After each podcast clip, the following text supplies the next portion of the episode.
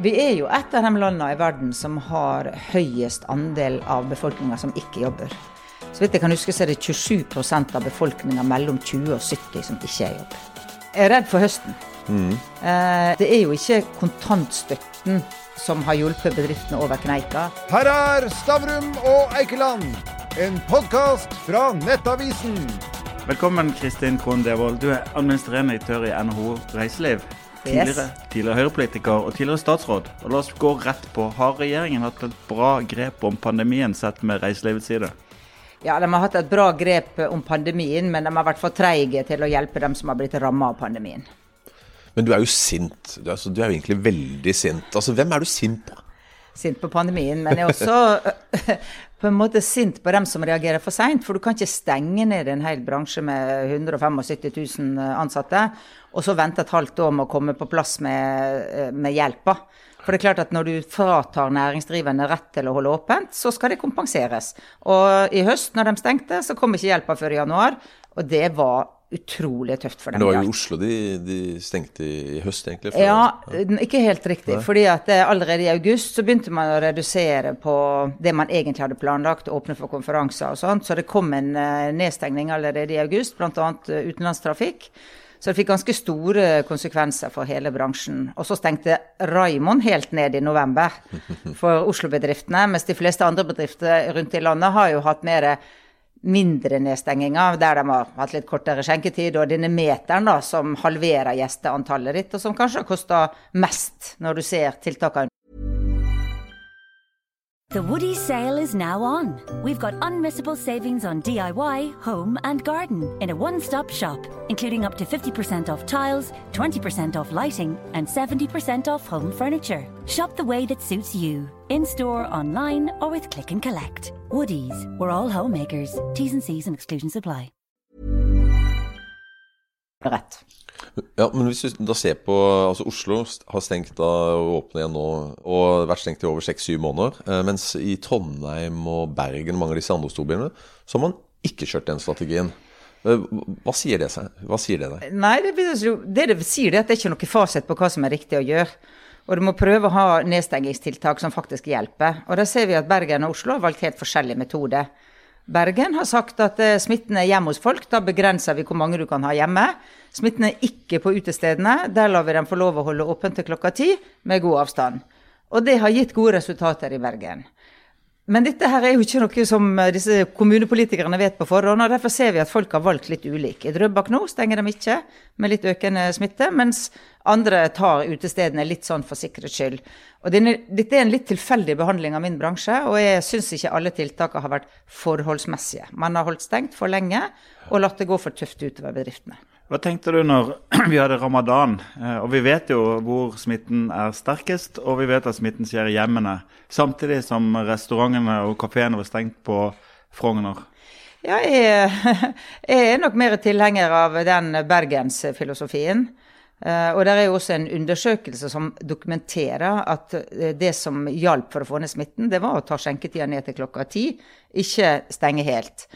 Og jeg syns jo at det å tillate liksom ti hjemme når smitten er hjemme, og så er det ikke lov å sitte to ektefeller på en kafé med én meter mellom hverandre, der, da er det noe rart med forholdsmessigheten. Og jeg skulle ønske at man hadde kanskje fulgt litt mer de, den politikken som Bergen har ført. Hva tror du er grunnen til at de likevel velger disse tiltakene? Jeg er ikke inne i hodet verken på Raymond eller andre, så det tror jeg han får svar på sjøl. Men, men, men har Raymond ofra din bransje for eh, smitten på Oslo øst? Nei. Eh, jeg tror faktisk at Raymond på lik linje med alle kommunepolitikere har forsøkt å gjøre det de tror er riktig. Uh, og smitten har vi fått ned i Oslo, men uh, jeg tror kanskje smitten hadde gått ned like mye om du hadde valgt bergensmodellen. Men jeg tror nok at intensjonen, både til han og til ordførerne rundt omkring, den tror jeg er god. Uh, men konsekvensen har vært veldig, veldig stor for min bransje. Men hvor, hvor ille er det nå for din bransje? Vi måler hver 14. dag så måler vi konkursfrykt. Det er jo en grusom ting å måle, men eh, det sier jo litt om stemninga. Hvor redd er du egentlig for at dette ikke kommer til å gå? Og da har sånn i snitt så har fire av ti i Norge innenfor reiseliv vært redd for konkurs, mens i Oslo har tallet vært eh, seks av ti og syv av ti. Så det har vært mye høyere konkursfrykt i Oslo fordi de har vært tøffere stengt ned. Og det er i grunnen den enkleste måten å beskrive forskjellen på Oslo og resten av landet på. Mm. Men samtidig så ser du regnskapsoversikter hvor sånn ja, de tapte penger, men de tapte ikke så voldsomt mye penger i fjor. Og det var det 45 nye restauranter på vei opp i Oslo, så det har ikke lyktes å ta rotta på næringen. Nei, det kommer ingen ingen noen gang til å klare. Og det har i grunnen ikke så mye med næringa å gjøre, det har også mye med publikum å gjøre. For vi er sosiale mennesker. Altså Er det én ting vi ikke kommer til å slutte med i livet vårt, så er det å være sosial. Og de fleste er møkk lei av å sitte hjemme på hybelen sin og oppføre seg ordentlig. Nå vil vi treffe vennene våre. Hybelen eller oppføre seg ordentlig? Litt begge deler. Og jeg tror altså at det, det mest grunnleggende behovet hos mennesker når du har fått uh, mat og søvn, det er å få lov å være sosial. Og Det er jo derfor både hotellopplevelser, 50-årsdager, bryllup, eh, restaurantbesøk, tre tretopphytter, altså alt det vi har i reiselivet i Norge, det er noe av det første som kommer til å komme opp igjen når vi får lov. Mm. Og som du sier, dessverre noen ganger med nye eiere, for de gamle klarte ikke seg. Eh, men for publikum kommer det til å være et tilbud. Men jeg skulle jo ønske at det var litt flere som slapp å tape hele livsverket sitt, enn det jeg dessverre frykter for nå. Men akkurat det du snakker om å tape livsverket sitt eh, Det er jo ikke mange som har dødd av korona i Norge. det er 800 stykker. Da. Jo, jo, men uh, totalt litt normalt. Altså, vi har jo ikke hatt død på influensa. Så altså, sånn sett så har det vært uh, Ok, men la oss ikke gå inn på det. Det er iallfall ikke mange sånn i forhold til et normalt år. Nå begynner vi å se de første selvmordene innenfor bransjen som dårlig økonomi. Altså, Tror du at det kommer til å bli mange av de fremover? For det er mange som sliter nå? Jeg er redd for høsten. Mm. jeg håper jo at vi får en liten sånn boost på sommeren. Nordmenn skal feriere i Norge. Og vi, som, vi ønsker å gå ut i lokalmiljøet vårt, så disse restaurantene som livnærer seg på lokalmiljøet, tror jeg kommer ganske fort opp igjen. Mm. Men det er klart, når høsten kommer og sommerferien er over, hvis vi ikke da har sluppet inn eh, utenlandske gjester i samme antall som før, hvis ikke vi får lov å ha konferanser som før, da er jeg redd for uh, hvordan det går. Også fordi at det er jo ikke kontantstøtten som har hjulpet bedriftene over kneika. De fleste sier at den har dekt kanskje opptil 20% av de egentlige kostnadene dine. Det er det at du har tatt opp gjeld helt opp til pipa, og så har du brukt all egenkapitalen din. Det er det som har fått bedriftene til å overleve. Og til høsten skal du betale tilbake. Og da skal du betale til staten, og da skal du betale høy rente, og da skal du betale for utsatt moms, og du skal betale det statsgaranterte lånet. Jeg tror staten må nødt å se på en mykere innkrevingsmetode når høsten kommer. Men den renta du snakker om, den er på 8, 8. ikke sant? Og hvis vi da ser på hvordan renta er sånn generelt sett i verden og i Norge, så er jo det eh, altså, Det er jo inkassorente. Dette er jo sånn eh, altså, ja, det er vel det samme som disse her for forbrukslånsbankene tar, ja, ca. Ja. Det... Hvor, når du snakker, jeg regner med at dere har tatt opp det med yes. myndighetene. Ok, Men hva, hva sier de da? Altså, altså, De er jo verre enn Espen Lie og disse. Ja, altså Det Finansdepartementet sier, det er jo at det, vi må aldri gjøre det slik at det å utsette moms og, og skatt blir en uh, lettvint måte å uh, få kapital på. Og det argumentet kan jeg kanskje forstå utenom en pandemi. Uh, I en normal situasjon. Men nå har vi hatt pandemi i ett år og snart tre måneder.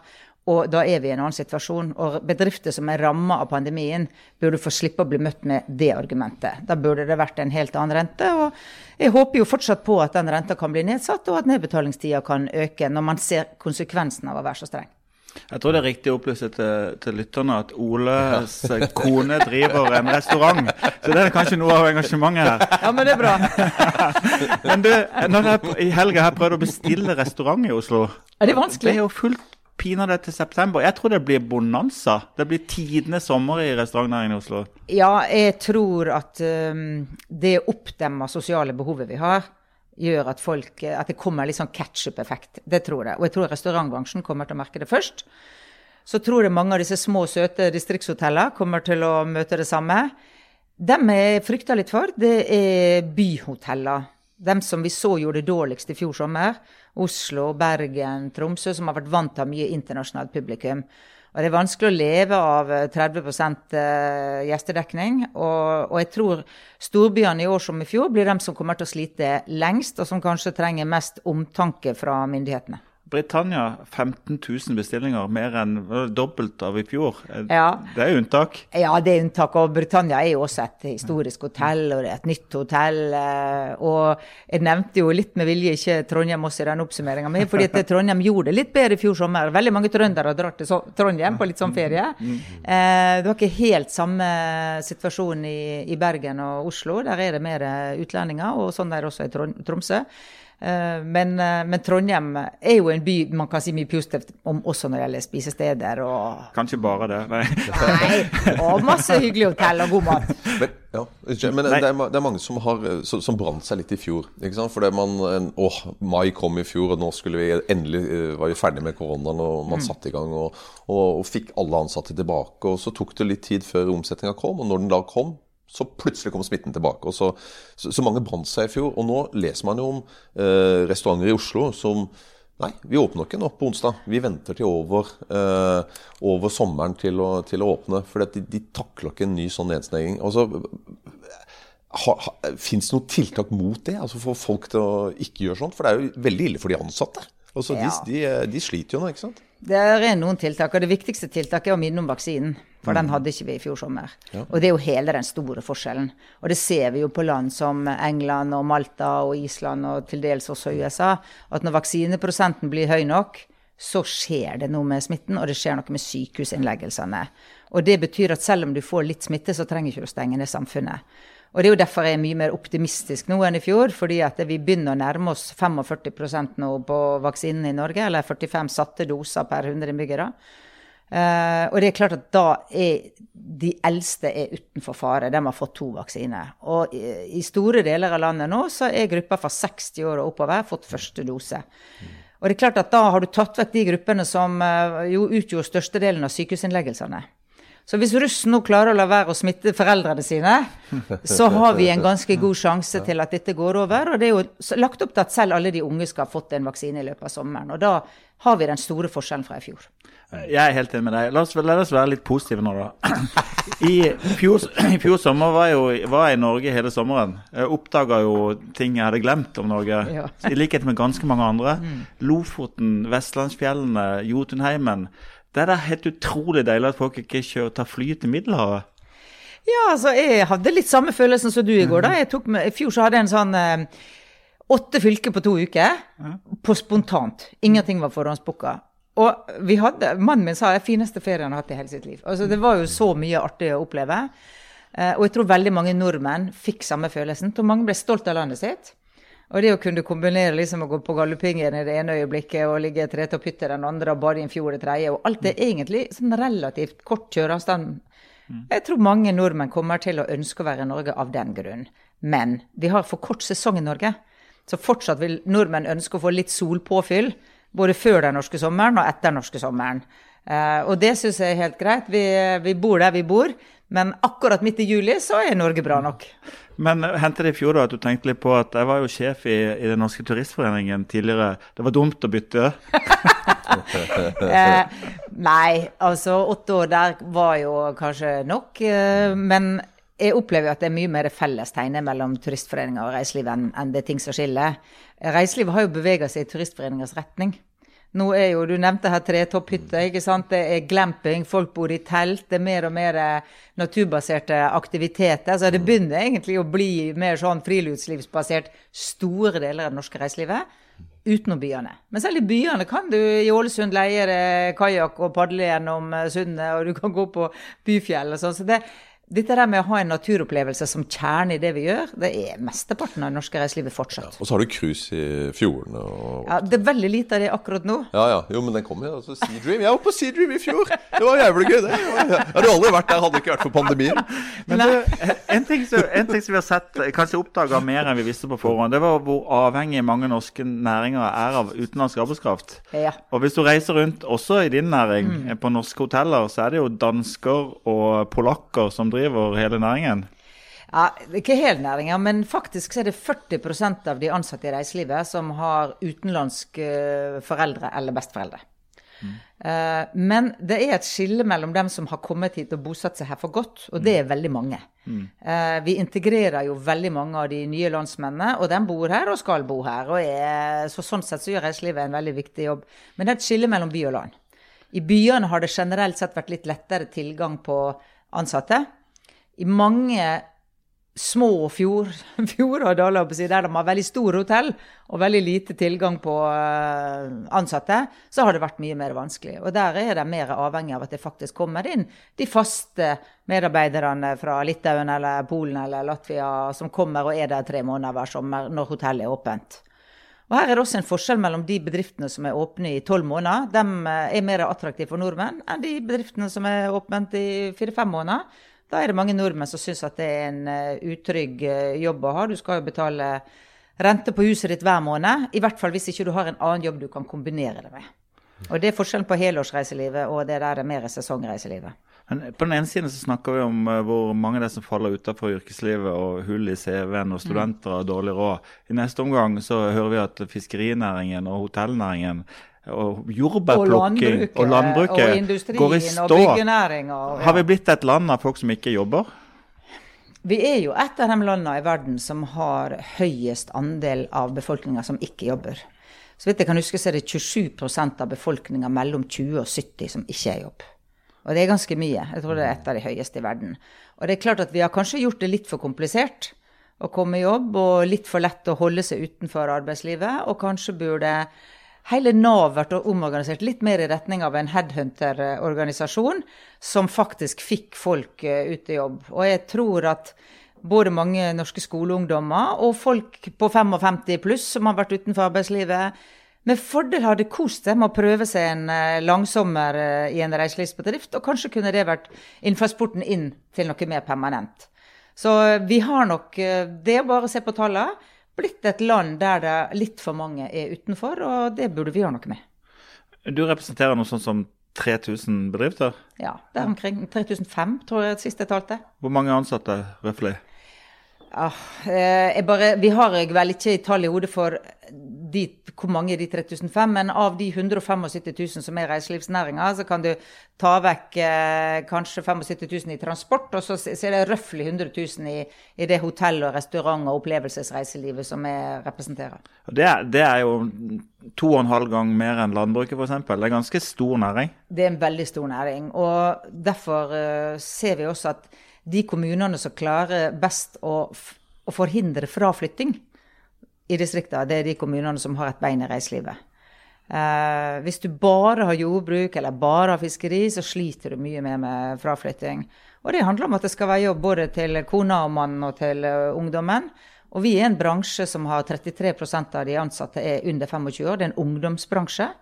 Og vi er like mange kvinner og menn. Så sånn sett så er ikke det lett å klare seg på bygda hvis ikke du har et uh, solid reiselivsbein i, i tillegg. Og vi er jeg har oppdaga at vi har fått mye mer backing og oppmerksomhet faktisk fra Senterpartiet, og det tror jeg skyldes nettopp det. Altså, De har jo aldri vært så populære. og nasjonalismen har jo aldri vært så stor. så Det, det er ikke så rart, det. da. Men, men når det gjelder eh, import, altså arbeidsimport så, altså Det er utopi å tro at, vi, klarer, altså at vi skal klare oss uten det. Altså Vi er, vi er jo avhengig av norsk eh, næringsliv. Er avhengig av ja, vi. Vi er jo avhengig av hele EØS-markedet. Og det gjelder både varer og mennesker. Og det er klart at enten du driver i byggenæringa, eller du skal ha spesialister til oljeindustrien, eller du driver med landbruk, fiskeri eller reiseliv, så har det blitt slik at vi har vent oss til å fylle på med arbeidstakere fra EØS, også fordi vi er så sesongdrevne.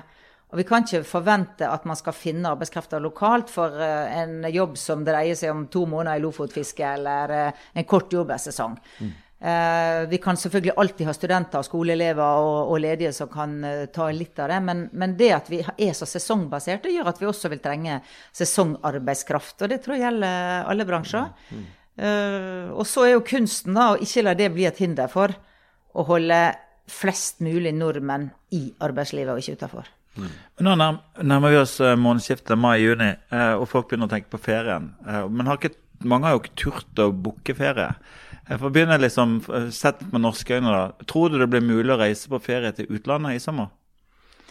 Ja, men jeg tror um, kanskje du må gå mot slutten av uh, sommerferien. Uh, og det har jo med at de fleste ungdommer, fleste familier har jo både noen barn og noen voksne og noen ungdommer. Og dermed så tror jeg ikke hele familien kan planlegge med at du er ferdig vaksinert uh, tidlig på sommeren.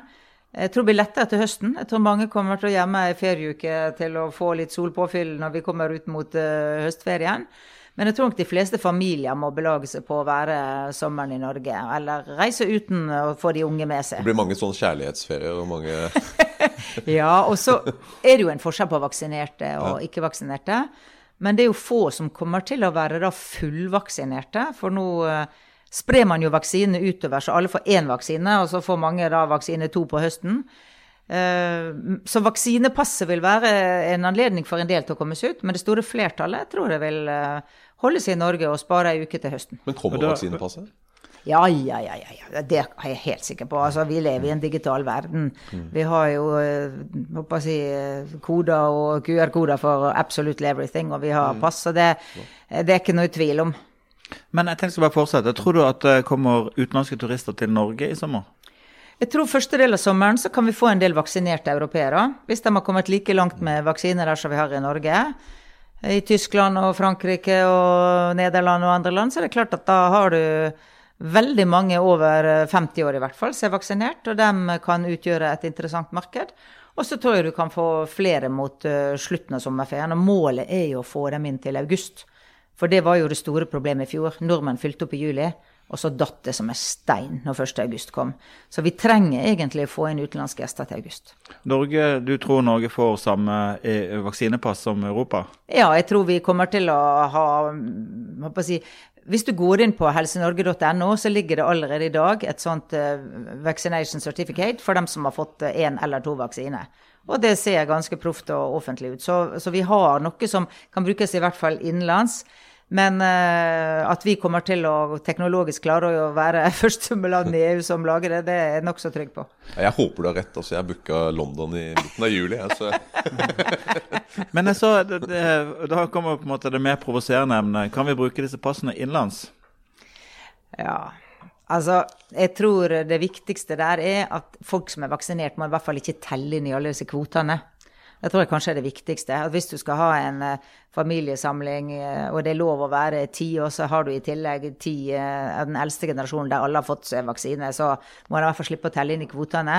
Og jeg tror også for restaurantene sin del at man må få lov å stille, la folk få lov å sitte litt tettere hvis du er i samme familie og vaksinert, enn, enn om du ikke er vaksinert. Og det kan kanskje hjelpe bedriftene litt på at de får flere inn i restauranten sin, og kan hjelpe litt på omsetningstallene. Jeg tror Erna og Siv er enig med deg, i hvert fall.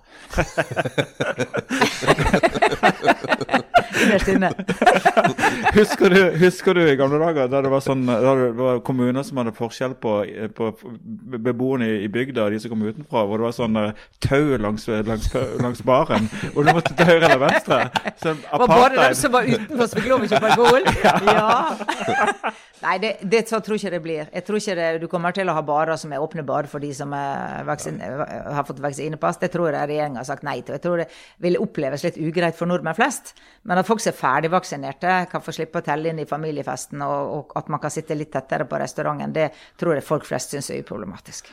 Du, jeg nevnte jo at du har jo tidligere vært statsråd. Um, i disse tider er det jo viktig at politikere eh, liksom virkelig kan telle reglene. Kunne du gjort tabben til Siv og Erna? Jeg kunne nok uh, gjort uh, Siv sin. Fordi uh, rett og slett dette med at det var lov å ha vaksinerte med på festen, det hadde jeg fått med meg at Erna og Bent sa. Og jeg hadde kanskje ikke fått med meg like klart at det ikke gjaldt i Oslo. Men jeg er uansett så forsiktig, så jeg bare reiste vekk på 17. mai. Hadde ikke høsta i det hele tatt. Så jeg tror veldig mange kunne gjort uh, tabbene. Uh, men så er det jo klart at sitter du i regjering, så er du litt mer forplikta til å kunne reglene enn alle andre. Kanskje ikke i Oslo, men, men, men det som har vært litt hett de siste dagene, det har jo vært at at eh, det er jo komplisert å sette seg inn i forskjellen på regler mellom eh, kommuner og, ja. og land og regioner. Det er kjempekomplisert. Vi har faktisk eh, syv jurister vi har jobba mer eller mindre på fulltid med å lage veiledere for bransjen vår. Og det er én for uh, kafé, og én for hotell, og én for opplevelsesbedrift, og én for folkepark. Altså bare, du kan bare ramse det opp. Én for camping. Uh, og det å følge med på alle disse endra reglene, sitte og lese alle detaljforskriftene bak hver eneste pressekonferanse, og så justere disse dokumentene, det er altså mer eller mindre syv advokater på fulltid. Så at dette er vanskelig for folk flest, det skjønner jeg. Og jeg tror veldig mange av våre medlemsbedrifter hadde ikke klart å følge reglene hvis ikke vi hadde gjort den jobben for dem og delt alt på nettet direkte. Nå har jo eh, vaksine blitt liksom like hett som den siste drinken før stengetid. Men eh, hadde jeg vært beredskapssjef i Norge og vi hadde fått en ny pandemi, eh, så hadde de første som hadde fått vaksinen, var regjeringen. Du var jo forsvarsminister. Er det riktig at vi venter i et halvt år og et år nesten før vi, før vi vaksinerer krisestaben i landet? Ja, det er, jeg, jeg, jeg, Hvem er krisestaben? Jeg, det er nok sett til regjeringens sikkerhetsutvalg. altså det, det, er klart at det, det, er, det, er noen ting er viktigere enn andre. Men samtidig er det viktig at du setter den grensa strengt. Uh, og jeg, jeg, tror ikke at jeg ville vaksinert hele Stortinget, faktisk. Det tror jeg ville lagt en vente. Så der er du enig men, med eh, Moxnes? Ja, jeg er vel kanskje enig med Michael Tetzschner, som ja. er en god partifelle. Ja, okay, greit. men du hadde vaksinert regjeringen? Ja, jeg, altså, jeg tror faktisk jeg har gjort det. Men nå har jeg heldigvis aldri vært helseminister, kommer aldri til å bli det. Så det, jeg får jo overlate det til han Bent Høie å gjøre disse vurderingene, da.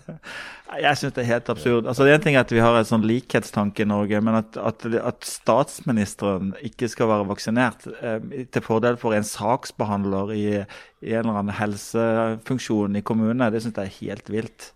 Ja, og det, kan, det, har jo vist seg òg at det ble jo satt av 20 som skulle gå til uh, helseansatte. Og noen kommuner delte ut mye mer enn det, og tok da med seg så du sier, ansatte som ikke hadde kontakt med smitta pasienter. Og det var jo ikke hensikten. Nei. Men um, altså nå har det gått uh, ja, over syv måneder vel, siden uh, vi fikk lov til å ta en halvliter ute på byen i, i Oslo. Og jeg hadde faktisk klart å booke meg et bord, men så fant jeg ut at det var en forbanna dugnad i sommer. Så jeg, så jeg må drøye det enda en dag før jeg får tatt den. Det var jo vinn-vinn. altså, jeg har aldri likt dugnad, og jeg hater det. Men, men hvor skal du? Jeg skal på Gamle rådhus. Du skal det, ja? Ja, det skal jeg. Og jeg, jeg husker når vi hadde gjenåpning av Oslo i fjor. Da gikk jeg ut første dagen og bare satt og så på alle de lykkelige menneskene som var ute. Uh, og for meg er ikke det halvliteren som er sentral, men jeg får lov å sitte rundt et bord med venner og faktisk få bestille god mat som en kokk har laga og er stolt av. Og uh, nei, jeg gleder meg, og det tror jeg veldig mange nordmenn gjør. Men dessverre så er ikke det alle som rekker å åpne, fordi de fikk jo beskjed rett før langpinsa, og så er alt stengt. Og så skal de rekke å få inn mat og vin og alt mulig og personell på liksom, to arbeidsdager, eller én arbeidsdag faktisk. Det er krevende. Men noen klarer det, og da tror vi som kunder må være fornøyd med det vi får. Bare slippe inn. Jeg er fornøyd hvis jeg får Halvliteren er jo litt god. Ja, ja. Det, noen, noen liker halvliter, og noen liker mer glad i vin. Uansett. Du, du er høyrepolitiker, så det er vin. Men, men du, hva blir, hva blir sommeren for deg? Eh, Foreløpig blir han uh, veldig um, uplanlagt. Uh, og jeg pleier å være uh, en tid hos Mannen min har en gård, altså en, et skogbruk. Og da er det arbeid som må gjøres, så da er vi litt uh, der, bor der og, og pendler derfra. og så er jeg litt på hytta mi i Hemsedal, og så er jeg en tur til Ålesund. Og så legger jeg inn noen sånne spontane turer. Og da reiser jeg litt etter værmeldinga og ser hvor det er sol, om det er østsida eller vestsida av fjellet. Og sånn sett er Hemsedal et godt utgangspunkt, for da har du bare liksom en halvtime til Lærdal. Men vi må ha et siste tips fra deg som tidligere sjef i Turistforeningen. Hvor, hva er det liksom de skjulte perlene som uh, folk må ha med seg? Ja, altså eh, Hvis du er glad i å sykle, så vil jeg anbefale Canvas Telemark, som er et sånt telthotell der du bor i telt, og så får du guider som tar deg med på stisykling det er en fantastisk opplevelse. Og, og, og så eh, vil jeg også si at eh, Sunnmøre med sine Sunnmørsalper, det går aldri av moten. Og jeg skal på Slogen på bursdagen min, og det hører meg. Og det å stå og se på Sunnmørstoppene med litt sånn snø på toppen selv midt på sommeren, det er helt ubetalelig. Du fikk Stavrum og Eikeland, en podkast fra Nettavisen.